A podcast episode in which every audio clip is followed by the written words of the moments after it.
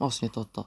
Du uppmuntrade mig hela tiden och eh, uppmuntrade mig innan jag hade något prov eller ett förhör. Du sa alltid, ta det lugnt och gör ditt bästa. Men sen så hände det. N- när allt eh, förändrades på grund av ett ord som gjorde så att allt vred på den motsatta känslan. Du var som en andra nära vän till mig.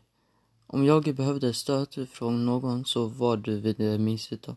För varje väg jag tar i livet så var du alltid med mig.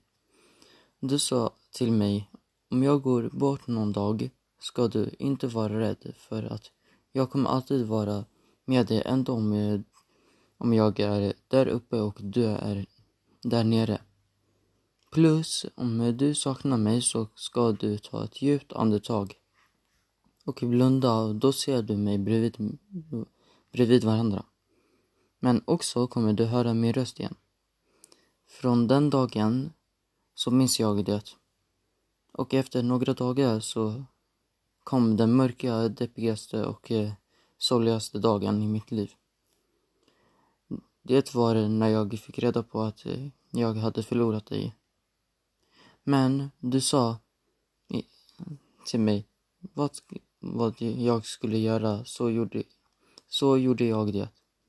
Och det gick eh, då, då såg jag dig och eh, jag hörde din röst igen.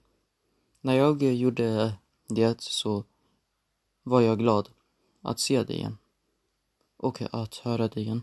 Men också ledsen. För att jag vet att mitt hjärta kommer alltid sättas ihop igen. Många säger tiden läker alla sår. Men i detta fall så säger jag att såren av sorg, sorgen är så stor att, tiden inte ens kan laga lite av mitt bristna hjärta. Ändå om mitt hjärta blir lagat efter tiden så vet jag att den kommer inte vara komplett. Det kommer vara fortfarande stora delar som kommer vara krossade.